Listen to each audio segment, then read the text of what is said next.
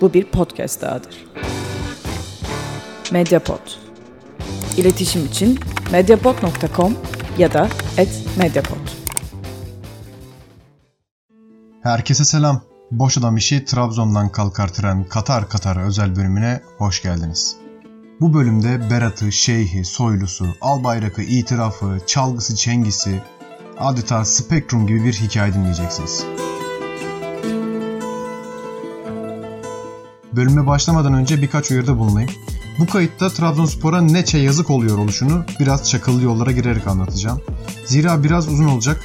Çayınızı, ilişki anı resmetmek için kağıt kaleminizi ve yarım saatinizi yanınıza aldıysanız başlıyorum. Açık konuşayım ilk Ünal Karaman istifa haberleri çıktığında herkes gibi ben de şaşırdım. Ardından gelen Berat'la kavga etmişler laflarını biraz tarayınca iş aslında cemaat üflemesi gibi duruyordu. Ben de çok ilişmedim. Zira bu işi ilk yazan sayfalar yalnızca dandirik değil, bilenin anlayacağı kodlarla cemaat haberciliğine yakındı. Ta ki siyasiler kendini açık edinceye kadar. Arda Turan ve Demirören dosyalarında anlattıklarımı belki hatırlayanlar vardır. 17 yıllık AKP iktidarının dönem içerisinde geliştirdiği bazı refleksler var. Bu davranışlar sayesinde bir işte koku olup olmadığını rahatlıkla anlayabiliyoruz artık. Bu reflekslerden bir tanesi haramilik. Yani bir para babası seç. Bu geçmişte Halis Toprak, Cem Uzan, Mehmet Emin Karamehmet'ti. Sonra onu TMSF ile güzel bir sıvazla. Sonra da kimi istersen sat, işlerini yürüt. Metotlardan biri bu. Bunun adı TMSF'cilik olsun. Bu cepte.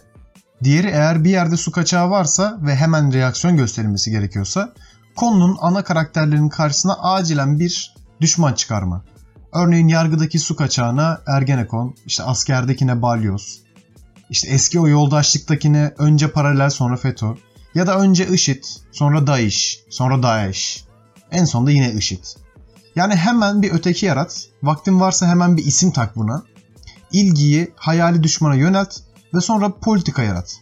Kısacası kamuoyuna ulan ne oluyor acaba düşündürecek zamanı vermeden parmağınla oraya bir düşman çiz ve oraya bakmalar için bütün ışıkları kapatıp spotları düşmana çevir. Karanlıkta da ne istersen yap. Bunun da adı düşmancılık olsun. Bu da cepte. Şimdi bu çizdiğimiz kılavuzla yola çıkalım. Bu arada bilmeyenler olabilir. Trabzonspor, Berat Albayrak, Süleyman Soylu, Ünal Karaman işini duymayanlar için kısa bir özet geçmekte fayda var.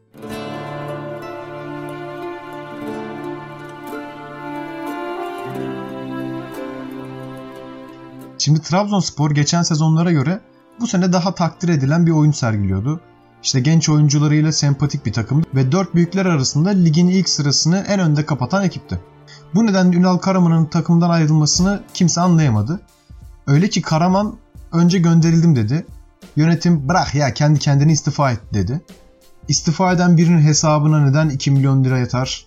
O kısım belirsiz. Zaten anlatacağım ve dönen devranın yanında bu para devede kulak kalıyor. İşte tam da bu ayrılığı kimse anlayamamışken ve cevap arıyorken tam da o gece yarısı ortaya ardı ardına iddialar düştü. Önce Trabzon İl Emniyet Müdürü'nün Karaman'la görüşmeye gittiği iddia edildi. Ardından eski Demokrat Parti Genel Başkanı, Büyük Trabzonlu İçişleri Bakanı Sayın Saygıdeğer Süleyman Soylu Beyefendinin Karaman'la görüşmek için Trabzon'a hareket ettiği iddia edildi. Hatta Erdoğan'ın bir takım telefon görüşmelerinde bulunduğu aktarıldı. Tüm bunlar olurken ve daha sonra adını anacağımız yayıncı kuruluş Katarlı Bein Sports dahil birçok kanal saatlerce bu konuyu tartışırken Turkuaz Medya ait A Spor'da ya şey sanırım Trabzonspor'da bir ayrılık olmuş ee, geçmiş olsun deyip diğer haberlere geçtiler. Turkuaz Medya önemli kekeler hem de çok önemli. Notlara Turkuaz Medya'yı da yazın. Yani yazın oğlum bir bildiğimiz var taşak geçmiyorum ciddi ciddi yazın. 50 tane isim vereceğim daha. Şimdi kimler var elimizde? TMSF'cilik var, düşmancılık var. Başka ne var? Çokomelli Berat Albayrak var. Doğru yollu ülkücü Soylu var. Erdoğan var.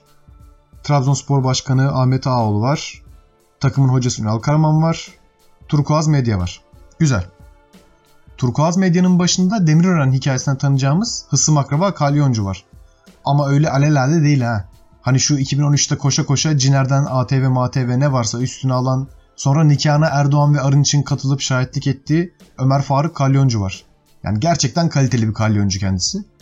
Kalyoncu'nun bir altında Serhat Albayrak var. Üstad Sadık Albayrak'ın oğlu Çokomelli'nin abisi Serhat Albayrak. Turkuaz medyanın neden önemli olduğunu ben değil, Üstad Sadık Albayrak anlatacak ama şimdi değil. Gelelim o geceki ayrılığın nedeni olduğu iddia edilen şeye.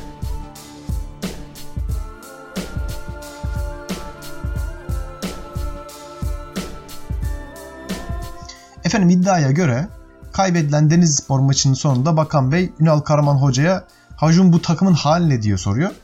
Hoca durur mu? Yapıştırıyor lafı. Ben size bu ekonominin haline diyor muyum diyor. İşte Berat sinirleniyor.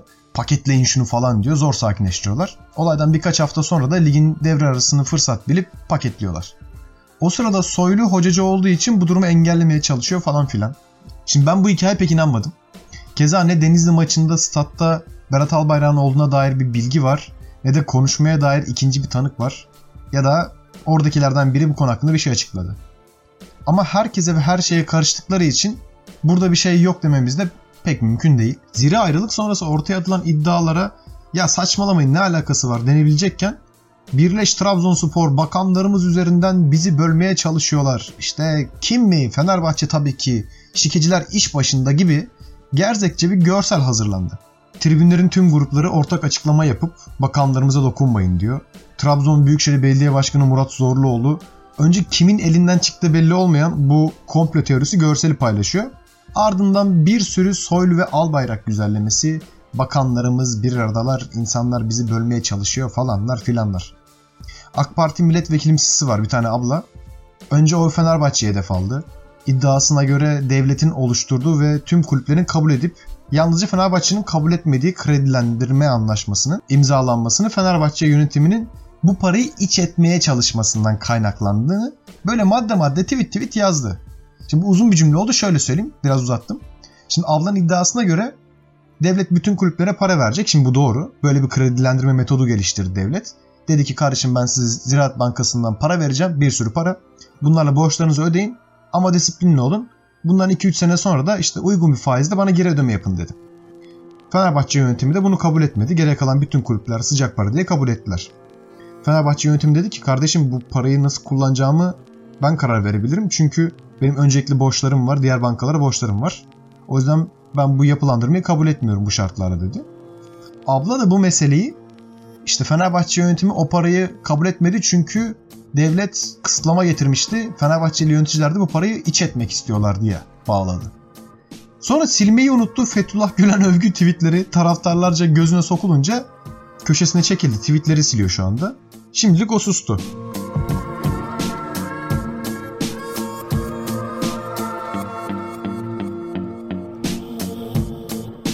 Şimdi gelinen kısım şu oldu.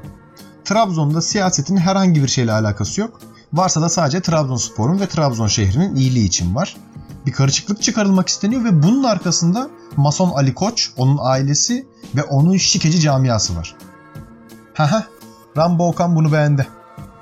Hadi başlayalım. Önce kralı dinleyelim. Al bayrakların babası Sadık Albayrak. Konuş dedi. aşağıya. Bu yardım yapılıyor. Stat olacak bu biliyorsun. Uzun hikaye bunlar uzun. Şunu demek istiyorum ben. Diyorlar ki stat yapacağız. Birileri bir grup benden randevu istiyor bilmem havaalanına geliyorlar proje hazırlamışlar. Projeyi hazırlayan gelenler biliyor musun? Yüzde sekseni Fenerbahçeli müteahhitler. Mehmet Ali Yılmaz'dan sonra belki az bir Ondan sonra bütün Trabzon yönetimleri Trabzonspor'u para bakımından Fenerbahçeli müteahhitleri ipotek etmiş adamlardır. Gelen borç giden borç. Peki soruyorum şu anda yönetime daha evvelkilere. Bu satı size kim yaptırdı? Bu reklamı size kim aldı? Hiç kimse size kredi vermezken milli bankalardan yeni kredi aldınız. Nereye harcadınız? Öyle mi? Bir de basın yönünde söyleyeyim size. Eğer o bakan bakan olarak devlet görevi var. Basın olarak açık söylüyorum. Turguaz medya grubu olmasa sizi pisirirler, boğarlar. Şimdi niye? Adam program yapıyor, Trabzon'u doğuruyor. Dinle, daha başındayım ben. Telefon açıyorum, diyor ki burada üç tane Fenerbahçeli var, avukat var. Hemen Trabzonspor'u devreye giriyor. Anlatabildim mi?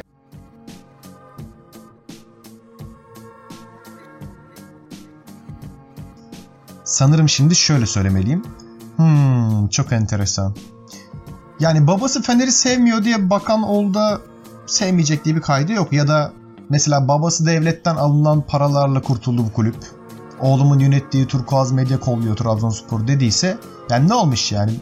Belki de biraz gaza gelmişler adam değil mi? Değil. Albayrak haklı. Sıkıntı zaten haklı olması. Turkuaz Medya Ali Koç öncesinde de Fenerbahçe'ye saldırıyordu.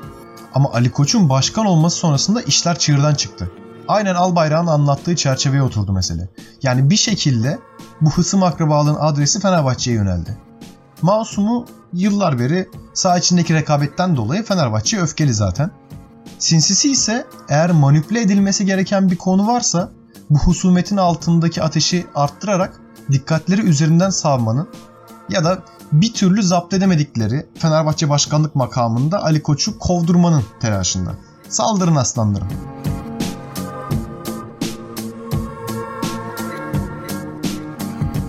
Murat Zorluoğlu'nun o görseli paylaşması ve işi Trabzon'un iç meselesinden Fenerbahçe'ye taşıması öyle tek başına alacağı bir karar değil. Çünkü Trabzon şehri ve Trabzonspor açık seçik hükümetin politika ürettiği bir alana dönüşmeye başladı. Ne alakası var ya diyenler için gelsin bundan sonrası. Söyleyeceklerimin sonuna Trabzonspor'un eski başkanı İbrahim Hacı Osmanoğlu'nun sözlerini koyacağım. Reis beni zaten teyitler.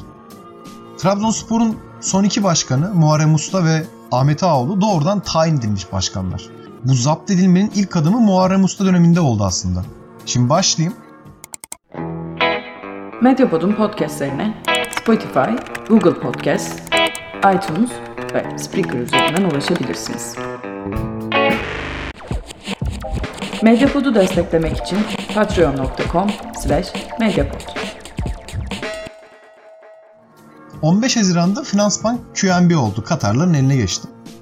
Bundan bir ay sonra ise büyük kulüpler sponsor bulmakta zorlanırken, Şampiyonlar Ligi'ne giden takımlar bile Türk Hava Yolları'ndan güç bela sponsorluk alabilirken, Arap enişte Trabzonspor'u öptü. 7,5 milyon dolarlık bir anlaşmayla Trabzonspor'un göğüs sponsoru olan QNB, parasını Türkiye sınırlarında döndürmeyi sürdürdü. Bu anlaşmanın imza töreni başka güzel. Dönemin başkanı Muharrem Usta şimdi okuyacağım incileri döktü. QNB'nin Türkiye'de stratejik yatırımlarını gördük. Ülkemizde önemli bir bankayı satın aldılar. Girdikleri ülkelerde spora yatırım yapan bir banka. Bu anlaşmada Cumhurbaşkanımız Sayın Recep Tayyip Erdoğan'dan destek istedik. Bu anlaşmayı yapmamıza katkı sunması bizim için çok önemliydi. Cumhurbaşkanımıza şükranlarımızı sunuyorum. Ayrıca Sayın Bakanımız Berat Albayrak'a, diğer bakanlarımıza, Trabzon'da siyaset yapan bütün milletvekillerimize, bürokratlarımıza, eski başkan ve yöneticilerimize, mize, mize, mize. Hey maşallah be kardeşim akıyor mübarek ya. Vergi silinmeleri, devletten kredi yağması. Yetmedi mi şak yapıştır koçun bir tane Katarlı keyfimize bakalım.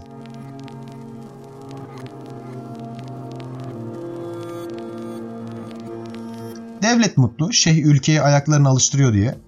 Arada vekiller, bakanlar, sakallar uçuşuyor tabi. E kulüp mutlu içeri para girdi. Devletle daha yakınlar artık. Alemin keyfi yerinde yani. İç piyasamızı şenlendiren Katarların futboldaki ilk hamleleri bu değildi.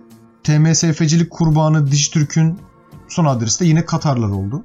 Bean oldular. Bu sürede Katar Şeyhi, şimdi bunun adını okumam lazım, uzun bir isim var. Temim bin Hamed Essani Trabzon şehrine yatırımlarını sürdürdü. Buna bir ad, ad koyalım ya, şeyh diyelim buna sadece. Şeyh olsun bu. Tamam. Hatta şehri galiba o kadar çok sevmiş ki o sürede şehre devletin hediye ettiği stadın 18 Aralık'taki açılışına Erdoğan'la birlikte icabet ettiler. Adeta Trabzon iki devletin aşkının şehri oldu. Ha unutuyordum. Bu Pasolik belasının komisyoncusu Alternatif Bank var ya o da yine bunların. Etinden sütünden be. Kanal İstanbul'un ihalesi bile yapılmamışken yine şeyhin karısının 44 dönüm arazi aldığı ise herkesin zaten malumu. Boğaz'ın en pahalı yalısını 100 milyona almalar falan. Yani aklanacak param mı var? Getir abicim getir biz hallederiz o işleri. Trabzonspor yalnızca devletin Katar aşkını ev sahipliği yapmakla kalmadı. Devlete yapışmışların da ayak oyunlarına sahne oluyorlar. İş adamı da var bu işte, tayin edilmiş başkanları da. Anlattığım onca mesele sonrası teyitçi kralı sahneye alalım. Hacı Osmanoğlu'nun divan kurulu ve ibra toplantısında ağzından kaçırdığı ya da tutamadığı sözleri dinleyelim. Yani faturayı bize niye kesiyorsun? Ya o kadar kurnazsınız ki bu kurnazlığınızı Trabzonspor'un menfaatleri için kullanın. AK Parti'nin kongresi var Trabzon'da. Bütün siyasiler Trabzon'da. Bir gün önce basın toplantısı yapıyorsunuz. Özellikle de arkadaşlar bu tabloya dikkat edin diyorsunuz. 156 milyon euro ile devraldım. Bunu yazın kayda geçin diyorsunuz. 150 milyon euro ile devrediyorum. Niye? Ertesi gün Türkiye'yi yönetenler burada. Ya Muharrem Bey'e biz destek verdik ama e, bu Hacı Osmanoğlu batırmış kulübü. Ya baksanıza 6 milyon euro da bu zor şartlarda kulübün borcunu düşürdü. Dedirtebilmek için. Bu kurnazlıklara gerek yok ki ya. Trabzonspor Başkanı kimseye hesap vermez ya. Gelirleri artırdık diyorsunuz. İlk geldiğinizde bu kulüp çok iyi bir CEO'sunuz biliyorsunuz bu işi. Bütçeler denk olması lazım dediniz. Geliri gideri bir olması lazım. Burası önemli bir kurum dediniz. Gelirleri yüzde yüz artırdı dediniz. Nereden artırdınız? Benim hazırladığım statüden hazır parayı aldınız, gelirleri arttı. Giderleri de yüzde yüz düşürdük dediniz. 150 milyonla 75 milyon.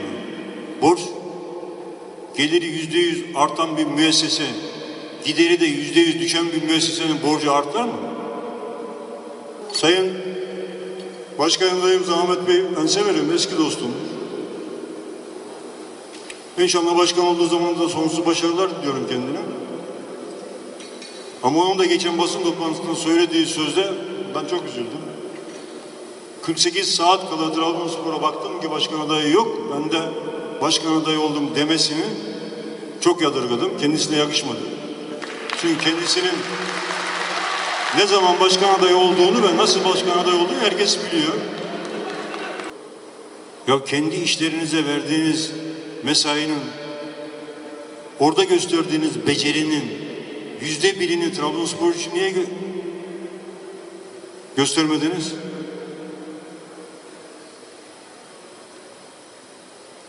E, Trabzonspor Başkanı olduğunuz zamanki mal varlığınızda şimdiki mal varlığınızı kamuoyuna bir açıklar mısınız ya? Trabzonspor'a para verdim diyorsunuz ya. Kurduğunuz üniversitelerin, yaptırdığınız plan tadilatlarının yerde Trabzonspor ismiyle elde ettiğiniz kazanımların bir kısmını verseniz Trabzonspor'a ne olur? Trabzon sevdası yok mu içinizde?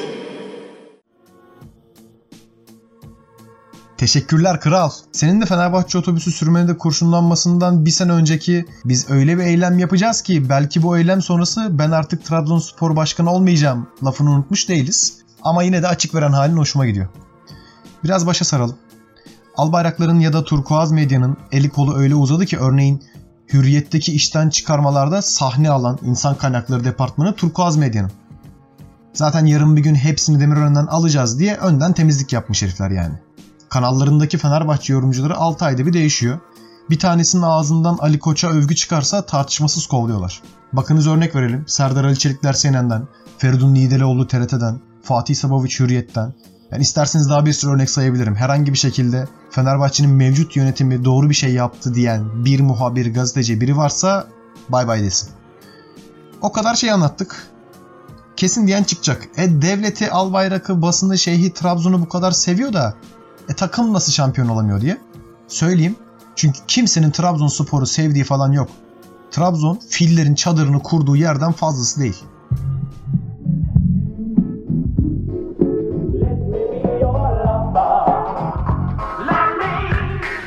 Trabzon'un ve Trabzonspor'un bu kirli ilişkilerden yakasını kurtaramaması halinde başarısı da hiç yakın değil. Bu ülkenin en şaibeli federasyon başkanı Haluk Ulusoy hasbihas Trabzonlu. E o dönem Trabzonspor'un herhangi başarısı var mı? Yok. Yani mesele Trabzonlu olmak veya Trabzon'u destekliyor gibi görünmek değil. Samimi olmak. Eğer sizin Trabzon'dan veya Trabzonspor üzerinden yürüteceğiniz işler varsa böyle görünmeniz sizin için iyi bir şey. Hısımcılıkla başarı başarı gelmez.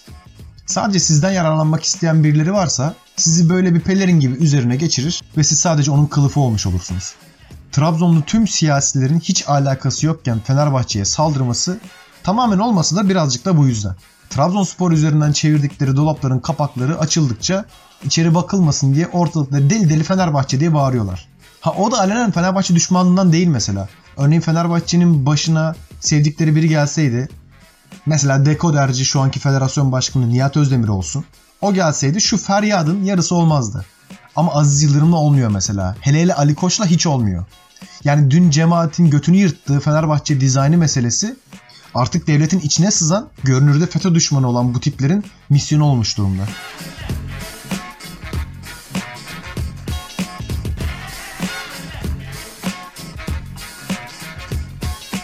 Bu söylediklerimi ılık götlü spor yazarlarından da zor duyarsınız onu söyleyeyim. Hele o Cem Dizdar ne lan öyle? Solculuğu yalayıp yutmuş gibi TRT'de takılan, herkese ahlak dersi veren eleman çıkıp şu bütün yaşananlar için iki laf etmedi. Olur futbolda böyle ayrılıklar dedi. Senin kalıbına sıçayım ben. Ne kadar oportunist varsa onlara da iki.